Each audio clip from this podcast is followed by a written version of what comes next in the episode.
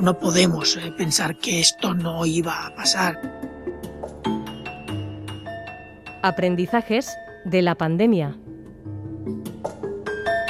La ciencia tenía que estar en el primer capítulo de nuestra serie. Ha tenido que llegar una pandemia para que nos demos cuenta del nivel que tienen nuestros científicos y científicas, de la importancia de su trabajo. Miren Basaras es microbióloga de la Universidad del País Vasco. Hugo Mayor es también profesor de la EHU e investigador de Iker Basque, la Fundación Vasca para la Ciencia, creada en 2007 por el gobierno vasco. Eh, hoy aquí os pedimos, miren Hugo, eh, el comentario no sobre lo último de la pandemia, sino más bien sobre lo primero de la pandemia. ¿no? ¿Y ¿Cuál diríais que es el principal error? en el que la ciencia ha caído, eh, donde más tenemos que aprender, Hugo? Como principal error, eh, bueno, la ciencia eh, ha sabido a nivel mundial hacer frente desde, desde el principio, ha sido capaz de coordinarse y de desarrollar, bueno, tanto las vacunas como ¿no? trabajar otros medicamentos Quizás a nivel local el error ha sido no haber sido capaces de integrarnos como debiéramos en el sistema de respuesta a la pandemia. En ese sistema de respuesta liderado más bien por políticos, ¿te refieres? Bueno, eh, pero bueno, ahí estaríamos saliendo del tema de hoy. Entonces, eh, lo que es hablando como la ciencia, eh, integrarse, yo creo que no había de antemano eh, los eh, mecanismos de coordinación con el sistema sanitario, a pesar de que en el día a día la ciencia en Euskadi está coordinada con, el sistema sanitario en, muchísimos proyectos, pero en esta situación de pandemia donde hacía falta una respuesta rápida, eso es algo que hemos visto que, ha, faltado. Miren, ¿cuál dirías que ha sido el principal error? Bueno, pues si nos remontamos al inicio de la pandemia, yo creo que el principal error fue que en el mundo occidental, digamos, en Europa, en Estados Unidos, no nos creímos que este virus que estaba gestándose en, bueno, que se gestó de hecho en China y que los casos estábamos viendo allí, eh, que no nos creímos que nos iba a llegar. Es decir, que esta globalización del mundo eh, yo creo que no nos lo creímos, que nos podía llegar y que entonces en su momento no se tomaron las medidas oportunas para atajar a este virus lo antes posible. A pesar de que eh, ya desde hace más de 20 años la Organización Mundial de la Salud ya dijo que había un hipotético bueno, pues causas de pandemia y de hecho hace más de 20 años hizo un documento de preparación frente a una pandemia. Documento que eh, se actualizó años más tarde, documento que todos los gobiernos tenían que actualizarlo y ponerlos a punto para estar preparados frente a pandemias. Y yo creo pues, que en este principalmente en el resto del mundo fuera de, de China, pues no estuvimos preparados frente a esa pandemia. Es verdad que nos costó mucho creérnosla porque primero era el virus chino, eh, luego llegó a Italia, luego incluso llegó a España, pero hasta pensábamos que no, porque empezó en Gran Canaria y bueno, llegaría a Canarias, ¿no? Eh, también algunos científicos dijeron que serían cuatro casos, ¿no? Y, Fernando Simón cargará con ese lastre toda su vida. Pero ¿por, qué nos, nos costó creernos? Porque hasta que no tenemos el virus en casa, pero es que en casa es en casa literal, no nos, no nos creemos que estamos en pandemia, Hugo. Bueno, es un poco el, eh, lo que se llama el pensamiento mágico, ¿no? De pensar que un problema tan grande no nos va a llegar a, nosotros, ¿no? Y, que la verdad es que es algo que se ha seguido aplicando a lo largo de la pandemia, ¿no? En más de un momento se ha, se ha tenido una visión excesivamente optimista de, de, cuál era el siguiente escenario y no se han tomado las medidas de precaución necesarias para evitar un posible peor escenario, ¿no? Entonces, siempre parecía que está, hemos optado por pensar que va a pasar lo mejor posible, cuando es bueno ser optimista, pero sí que tendría que haber los mecanismos de respuesta en, preparados para, en el caso de un escenario eh, malo, poder hacer frente y tener todas las respuestas posibles en marcha. Claro, porque ¿qué habría que cambiar para que eso no vuelva a ocurrir? Eh, si nos están escuchando dentro de 30 años preguntándose si viene o no una pandemia, ¿cuál sería la primera recomendación? ¿A quién hay que hacer caso? ¿A dónde hay que mirar? ¿Cuándo me puedo fiar de que un virus chino realmente puede llegar aquí? ¿no? Y tengo que empezar a, poner, a ponerme las pilas y también a poner la venda antes de la herida. Hombre, yo creo que siempre que surge eh, un problema en salud pública en cualquier lugar del mundo, siempre tiene que haber una alerta y ante esa alerta que en realidad tienen que imponerlas los distintos eh, centros de control eh, de infección y de control de enfermedades infecciosas, pues como está el europeo, como está el, de Estados Unidos, etcétera, em, una vez de que ellos eh, implementen esa alerta porque hay un nuevo virus que todavía no conocemos qué es lo que está ocurriendo, la vigilancia epidemiológica es fundamental. Y en esa vigilancia epidemiológica también esa vigilancia virológica del virus en este caso, digo virológica porque la gran mayoría de los casos son virus, pero podría ser una vigilancia de la bacteria o de cualquier microorganismo en concreto. Pero esa vigilancia epidemiológica es fundamental. Lo que no podemos considerarnos es que somos invencibles. Y yo creo que ese ha sido uno de los grandes errores también, ¿no? Eh, que nosotros podemos controlar a cualquier microorganismo y en este caso a cualquier virus. ¿no? Entonces yo creo que eh, hay que hacer una reflexión de decir, bueno, eh, siempre que surja un problema en cualquier lugar del mundo, me da lo mismo que sea África, que sea Asia, en cualquier lugar del mundo, siempre tiene que haber una pequeña alerta hasta saber cómo va a evolucionar ese problema. Sí, y eso añadiría que, en principio se supone que existen esos mecanismos ¿no? de respuesta. Están, esas alertas se recogen a nivel estatal y, teóricamente también a nivel autonómico. Pero lo que sí que se ha visto es que lo que es el subdepartamento de salud pública, o sea, no la sanidad pública, sino salud, lo que es salud pública y epidemiología, a día de hoy está infrafinanciado y está infraequipado de personal, ¿no? Y, eso es algo que hemos entrado, entramos a la pandemia de, lleno en esa situación que no había suficiente personal para gestionar todo lo que ha supuesto y aún y todo a lo largo de estos meses tampoco es que se hayan multiplicado por mucho los recursos que se ha dado, ¿no? Entonces, en esas circunstancias, sin tener unos mecanismos fuertes de, gente que ya esté formada en, salud pública, en epidemiología, para hacer frente a esto, entonces es como hemos vuelto a caer una y otra vez en la misma piedra y hemos estado de ola en ola. Esa puede ser una de las claves, ¿no? Cuando acabe esta pandemia, eh, empezar a prepararnos para la siguiente.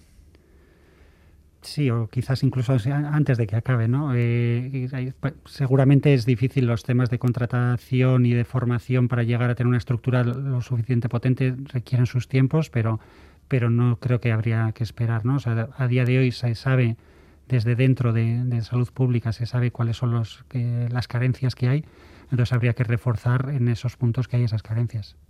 ¿Qué diríais que ha sido lo más peligroso de este, de este virus? Porque cada virus evidentemente es un mundo distinto y tiene sus peculiaridades, pero de la COVID-19, miren. Hombre, yo creo que lo más peligroso eh, mm, creo que ha sido, eh, en este caso, ese mecanismo de transmisión tan fácil que tiene el virus, ¿no? Eh, ese mecanismo de transmisión por vía aérea, que en un primer momento se creía que era bueno que con una distancia se conseguía controlarlo, por eso el no uso de las mascarillas, mm, por mucho que algunos ya decíamos desde un principio que si es por vía eh, por vía aérea se deberían de utilizar mascarillas. Y eh, bueno, pues unido a eso, pues el, el, tema de esa transmisión por esos aerosoles, esas gotitas pequeñas que sabemos que se transmiten muy fácilmente. ¿no? Eh, esto que ya ocurre también en la transmisión de otros muchos eh, microorganismos y de otros muchos virus, pues cuando ya se mm, determinó que eso era así, pues yo creo que ha sido eh, algo que ha cambiado bastante el, el, quehacer de la pandemia, ¿no? Ha cambiado, pues bueno, ese mecanismo de transmisión, digamos, y por lo menos darnos cuenta de que la facilidad que tenía de transmitirse, ¿no? Y de que tiene de transmitirse incluso hoy en día también. Em, y entonces, bueno, pues yo creo que eso ha sido bastante preocupante en el sentido de que ha habido una población vulnerable, muy vulnerable, en donde eh, ha sido, se ha infectado principalmente y ha desarrollado una enfermedad, una enfermedad muy grave y ha fallecido. ¿no? Y yo creo que esa, em, bueno, pues en este caso también, eh, que esas personas vulnerables no hayan estado lo más protegidas posible, eh, hablo de residencias, hablo de personas de edad avanzada, eh, hablo de personas eh, con distintas patologías, etcétera. Eh, bueno, pues todas esas personas también que no se han em, protegido de una manera eh, formando burbujas, eh, etcétera, pues yo creo que ha sido algo también bastante peligroso.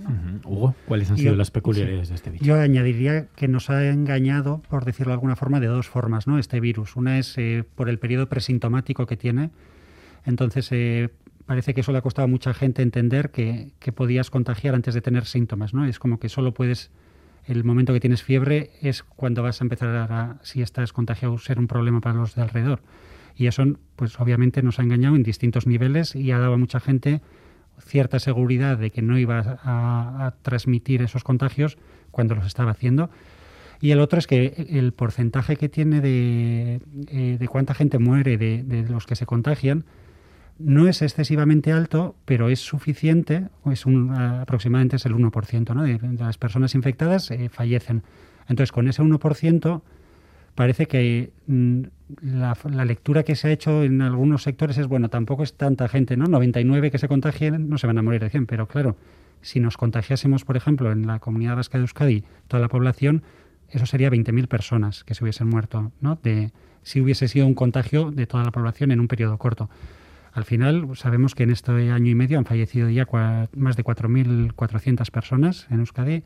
Entonces, la verdad es que no es que se haya controlado mucho cuántos contagios ha habido. Entonces, yo creo, no sé. Sí, sí, totalmente de acuerdo. Y yo creo que habría que añadir otra cosa, que este virus, si bien inicialmente pensábamos porque era lo que se pensaba, que producía una enfermedad eh, exclusivamente respiratoria, hemos visto que no. Hemos visto que es un virus que eh, causa una enfermedad sistémica, es decir, en distintos órganos eh, del cuerpo humano. Y eso es lo que bueno, se ha ido viendo a lo largo de los meses, que incluso se acantona, incluso se esconde, no sabemos muy bien cómo todavía, en distintas células, en distintos órganos, y que puede reactivarse dándose esas COVID persistentes y demás. ¿no? Y yo creo que, que bueno, pues ese mensaje de que solamente es un virus que puede dar una infección respiratoria, pues ya ha quedado eh, descartado. Sí, en efecto todavía no sabemos muchas cosas del virus, todavía tenemos muchas dudas, ¿no? De por qué a unos les, les contagia y les hace eh, una enfermedad tan grave, a otros les hace, pues eso, ser asintomáticos, otros ni siquiera dan positivos, todavía quedan muchas dudas. Hemos ido aprendiendo poco a poco y no sé si se podría haber ido más rápido. Si queréis que, que, la ciencia nos podría haber permitido enterarnos de las consecuencias de este virus antes, o no, ¿eh? Pregunto a vosotros qué, sabéis, Hugo. Bueno, eh, posiblemente se podría haber ido más rápido de lo que es la acumulación de ese conocimiento, pero hay veces que hay ciertas cosas que solamente, por ejemplo, la COVID persistente es algo sobre lo que se ha podido aprender solamente a medida que ha pasado el tiempo. ¿no? Eh, nada más contagiarse en los primeros meses eh, las personas que se contagiaban era imposible saber. Lo que igual sí que habría que haber integrado es ese conocimiento que se ha ido generando más rápido en las respuestas que se, ¿no? en las decisiones que se han tomado, en cómo afrontar, eh, porque a veces parece que se han tardado muchísimos meses desde que ya en ciertos ámbitos, por ejemplo el tema de aerosoles, eh, se ha estado desde el verano por lo menos eh, insistiendo en que esto era, desde el verano pasado, que esto era un problema y todavía a día de hoy encontramos páginas web de recomendaciones sanitarias institucionales en las que no se mencionan los aerosoles, ¿no? Y han pasado diez meses y, y ves eso y dices, ¿cómo es posible que no se incorpore ese conocimiento que llevamos desde hace diez meses divulgándolo que, hay estudios a nivel internacional y todavía las recomendaciones no se mencionan. ¿no? Eh, sí, eh, miren. Sí, yo creo que bueno, la ciencia, la verdad es que ha ido muy rápido. Ha ido muy rápido porque el, eh, intentar, bueno, el, tener eh, unas vacunas eh, una vez de que se conoció el virus, al cabo de seis meses empezaron los ensayos clínicos, yo creo que eso ha sido un avance impresionante y en menos de un año hemos tenido las vacunas que ya se estaban implementando en la población, con lo cual yo creo que, en, ciencia, digamos, eh, todas las empresas, tanto farmacéuticas como los centros de investigación universitarios, no universitarios, etc., han puesto el, más del 100% de todo su mecanismo para intentar conocer al virus lo antes posible, sus mecanismos de infección, eh, cómo se transmite, eh, intentar buscar medicamentos, etcétera. O sea que yo creo que eh, la ciencia ha, ha, hecho mucho esfuerzo y está haciendo hoy en día mucho esfuerzo. El problema es que estamos ante un microorganismo nuevo que evidentemente todavía hay incógnitas, pero eso es la vida misma. Las vacunas, sin duda, efectivamente. No nos creíamos hace un año y pico que, podían estar como están ahora mismo y eso ha sido un avance de la ciencia que hay que aplaudir, desde luego, que poner en un, en un pedestal. Nos han salvado las vacunas, nos están salvando eh, también la mascarilla, esta que tenemos ahora los tres puestos en la cara. Nos costó creer en la mascarilla. Eh, evidentemente no había mascarillas, con lo cual era imposible ponérnoslas, pero eh, se llegó a decir ¿no? que la mascarilla podía ser hasta perjudicial se han llegado a hacer cosas eh, quizás un tanto absurdas, ¿no? Muchas veces por desconocimiento, por falta de, mecanismos. ¿no? sé qué destacaríais. A mí siempre me viene a la cabeza cuando el confinamiento, no había mascarillas, evidentemente, y el confinamiento también nos salvó, pero íbamos al supermercado sin mascarilla con total tranquilidad y nos juntamos unas cuantas personas en el supermercado, ¿no? A veces se tomaron medidas también, como por ejemplo, recuerdo yo, eh, hostelería, a las 12 de la noche, cerrar las, las terrazas y que todo el mundo pasara de 12 a 1 de la noche al interior de, del bar, ¿no? Algo que también parecía tremendo, ¿no? Eh, desinfectamos aceras, eh, los colegios, los patios. Eh, ¿Qué diríais que ha sido, cuál diríais que ha sido el principal, no sé, error, metedura de pata? ya digo, que muchas veces con buena voluntad y por desconocimiento, Hugo. Bueno, entre los que has comentado, y si yo retomaría el tema de las mascarillas, ¿no? Eh, desde bastante al principio, yo recuerdo ir a la radio, incluso a una médico de Navarra, creo que era, diciendo, no, esto es que hace falta que tenga, usemos mascarillas desde ya, a la vez que llegaban los mensajes de, representantes institucionales diciendo que, solo quien estuviese enfermo debiera usarla, ¿no? Entonces, yo creo que la incoherencia en esos mensajes no ha ayudado, además, a la población a, realmente eh, actuar lo mejor que se hubiese podido pero sí que es cierto que en aquellos tiempos hubo mucha gente que se dedicó a fabricar mascarillas de tela que hacen una labor, sobre todo al aire libre, sin ninguna duda hacen una labor para evitar contagios. Entonces, se tendría que haber eh, evitado tanto esos mensajes que parecen que eran una forma de justificar la, incapacidad de llegar al, mercado de suministro. ¿no? Y entonces, en vez de dejar claro, mira, no somos capaces de conseguir suficientes mascarillas, produzcámoslas, cambiar el mensaje y decir no hace falta mascarilla, cuando la, la, base científica estaba indicando, desde los sanitarios nos decían ya en aquellos tiempos que ellos veían que la mascarilla tenía su valor. Miren. Sí, sí, así es. Yo creo que, a ver, está claro que la ciencia en su momento ya dijo claramente que el valor de la, de la mascarilla era fundamental, que se tenía que utilizar mascarilla y yo creo que hay decisiones eh, tomadas por otras personas, generalmente autoridades políticas, bueno, pues lo que hacía es que el no uso de esa mascarilla, ¿no? Es más, a mí me sorprende que después de año y medio, eh, oiga la semana pasada eh, a un dirigente político o a una autoridad política diciendo que las mascarillas de rejilla las van a retirar. Pero vamos a ver, esas mascarillas no tenían que estar retiradas ya. ¿Qué van a hacer con las personas que están utilizando esas mascarillas? Por ejemplo, es decir, después de año y medio que ya se dijo que no servían para nada esas mascarillas, estamos oyendo que van a retirar esas mascarillas. Hombre, yo creo que hay algunas decisiones que eh, claman al cielo. Eh, en la próxima pandemia los científicos deberán liderar eh, la gestión de, la pandemia?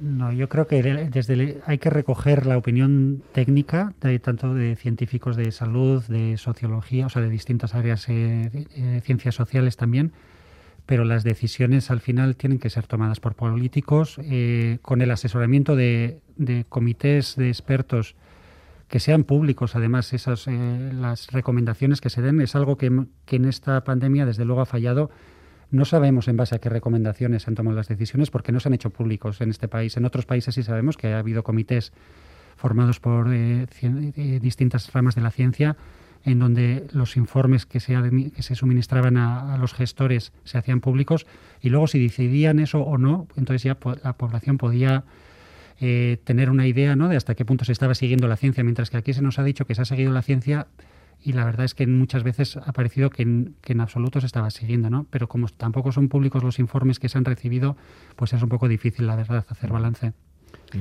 Sí, sí, yo creo que desde luego sí tiene que haber eh, comités eh, de expertos eh, de distintas áreas eh, y que eh, bueno, pues las decisiones que tomen esos comités de expertos y de expertas tienen que ser conocidos, tienen que ser publicados y luego bueno, pues habrá una serie de gestores que tendrán que tomar una serie de medidas en base a, esos, eh, a esas decisiones. ¿no?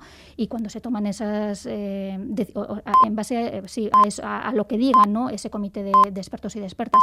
Y en este caso, cuando se tomen esas decisiones, tendrán que explicar por qué se toman unas decisiones y no se toman otras observando lo que hayan dicho esos expertos y expertas. Y aquí yo uniría no solamente esas decisiones o esa gestión que tienen que hacer en este caso las distintas autoridades eh, sanitarias y políticas, sino también está eh, otro punto y otro eh, eslabón que es la justicia porque la hemos tenido también ahí. Y muchas veces decisiones que se tomaban eh, bueno pues caían por su propio peso pues porque la justicia decía que eso no se podía tomar no entonces bueno pues ahí ha habido mm, bueno pues sus más y sus menos en el sentido de que eh, yo creo frente a cualquier problema de salud pública evidentemente eh, lo primero de todo es garantizar esa salud pública, y eso está claro. Pues no quiero despediros sin preguntaros también dónde estamos hoy, porque hay que recordar, la pandemia no ha terminado todavía. Hay quien dice que estamos ya en la quinta ola, podríamos decir una quinta ola sin presión hospitalaria. ¿Dónde estamos hoy, miren?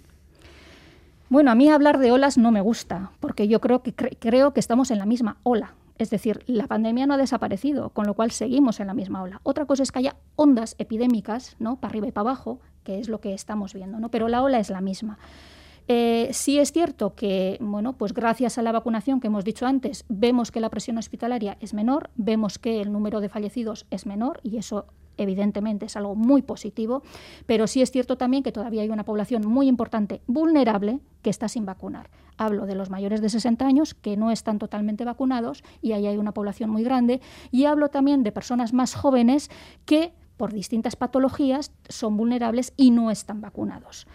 Y eh, bueno, pues eso es algo que hay que hacerlo lo antes posible, evidentemente. Y desde luego, casos positivos y brotes va a seguir habiendo porque el virus está entre nosotros y desde luego no vamos a conseguir, como se está diciendo, una inmunidad de grupo con 70% de vacunados ni quizá con 80% de vacunados. Necesitaremos una población mucho mayor de personas vacunadas para intentar controlar la transmisión de este virus porque nos está dando sorpresas en las distintas variantes. Te unes a la EMA que pide que vacunen a los mayores de 60 eh, cuanto antes que adelanten la vacunación de la segunda dosis? Yo creo que se debería de adelantar. Eh, ya se ha visto que con AstraZeneca, que es la que vacuna que tienen, eh, esta población eh, es efectiva también, dándola a la, a la semana 10. incluso a la semana 8 y yo creo que se debería de adelantar un poco esa, esa vacunación de esta población. Hugo, ¿dónde estamos hoy? bueno, un poco como comentaba Miren, venimos de una ola con sus distintas ondas y hemos pasado, yo creo que desde el verano desde el verano anterior llevamos. Eh, cuatro repuntes, eh, subidas y bajadas que ha sido consecuencia de la eh, restricción de movimientos y de contactos y parecía que con la vacuna estábamos evitando que hubiese que fuese a haber un nuevo repunte. Sin embargo, estamos viendo de forma anticipada ya en otros países como el Reino Unido, que tienen una campaña de vacunación mucho más avanzada, que están subiendo muchos los, los casos. Y yo sí que ahí subrayaría que a pesar de que gracias a la vacuna el porcentaje de aquellos que se contagian, eh, eh, de los que fallecen, ha caído mucho ese porcentaje, en cambio, los ingresos hospitalarios todavía no ha caído ese porcentaje. Sí que hay mucha menos presión hospitalaria de, de hoy, porque gracias a la vacuna está habiendo menos contagios, pero si ahora entrásemos en otro repunte, el porcentaje que está entrando en los hospitales sigue siendo casi del 10%, entonces podríamos enfrentarnos a, una situación de nuevo que, que nos dé bastante preocupación. Hugo Mayor, Miren Basaras, gracias por haber participado en este primer capítulo de estos aprendizajes de la pandemia y sobre todo gracias por vuestro trabajo y sobre todo por vuestra capacidad de divulgación y por haber estado ahí cada vez que os hemos ayudado para que nos echéis una mano eh, para contar la pandemia a nuestros oyentes, a nuestros espectadores, a nuestros lectores. Es que ricasco benetan. Es que ricasco soy, etan